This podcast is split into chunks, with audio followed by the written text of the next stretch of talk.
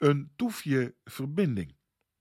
Beste mensen, van verschillende kanten worden we in deze dagen opgeroepen de eenheid te bewaren of juist ook meer te zoeken. Op zich natuurlijk een mooie en terechte oproep in een steeds meer helaas verscheurender wereld. Zo is er die sierencampagne om elkaar niet kwijt te raken. In bijvoorbeeld felle discussies over actuele zaken, zoals vaccinatie, complottheorieën, waarvoor de WEF-conferentie in Davos altijd ook weer aanleiding toe kan geven.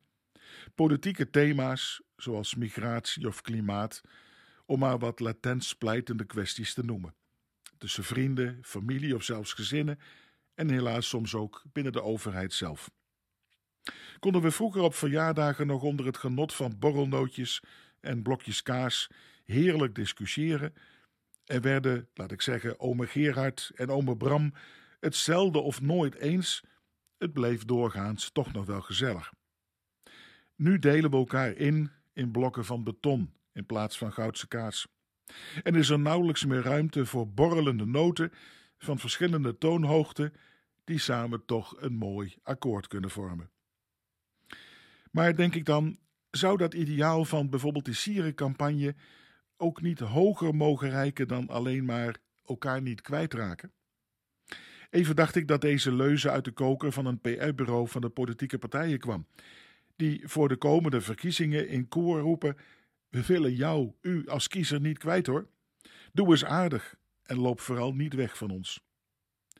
Natuurlijk zou het inderdaad voor de samenleving desastreus zijn als we ons massaal van elkaar zouden afwenden, in onderling wantrouwen en gekrakeel.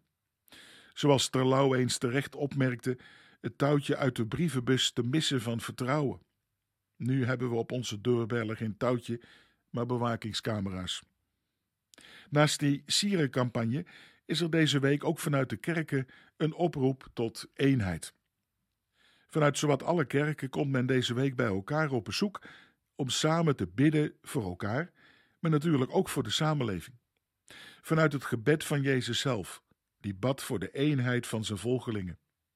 Toen met zijn twaalf zo totaal verschillende discipelen, met eigen karakters en geloofstijlen, gelukkig maar zou ik zeggen. En ik hoef u ook niet uit te leggen in hoeveel kleuren zich de kerk door de eeuwen heen heeft ontwikkeld. Nu vind ik persoonlijk variatie in de kerken eigenlijk ook best wel mooi. De Bijbel spreekt immers zelf ook van Gods veelkleurigheid, die zich in Christus heeft laten zien aan deze wereld.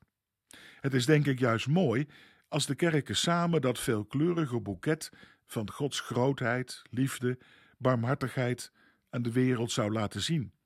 Niet met de ruggen naar elkaar, maar je hoeft het ook weer niet en alles met elkaar eens te zijn, zou ik zeggen, zonder onderling gekrakeel. Verlies elkaar dus niet, maar toon met elkaar juist Gods liefde die Hij liet zien in Christus. Eenheid is wat dat betreft natuurlijk ook geen doel op zichzelf. Het is ook meer dan verlies elkaar niet, maar moet vooral juist uitlopen op daden van barmhartigheid, uitgestoken handen, recht zoeken en doen, opkomen voor de kwetsbaren. Vanuit het diepe besef ook dat God ons juist in Christus liet zien dat Hij jou en mij niet kwijt wil. Jezus was bereid er zelfs zijn leven voor te geven tot aan het kruis van Golgotha.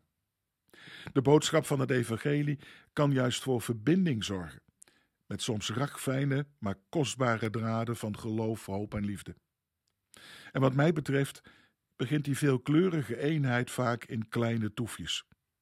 Zo waren we een tijd geleden met onze kleinzoon in een prachtige bloemenzaak, waar we om allerlei redenen van vreugde en verdriet regelmatig komen, en die voor mij ook altijd iets van die veelkleurigheid van het geloof weerspiegelt. Onze kleinzoon keek zijn ogen uit en had het liefst, net als ik, al die bloemen maar meegenomen naar huis. En als voorproefje kreeg hij een prachtig mini-bosje bloemen van de aardige bloemist. Een mini-bundeltje bloemen, verbonden door een eenvoudig vlastouwtje dat stond voor al die overweldigende bloemen en kleurenpracht. Gewoon een toefje van geloof, hoop en liefde. Begin daar mee, zou ik zeggen. Gewoon dicht bij huis. Voor eenheid en recht in gezin, familie, kerk en maatschappij. En oh nee, daarvoor hoef je niet voor naar Davos.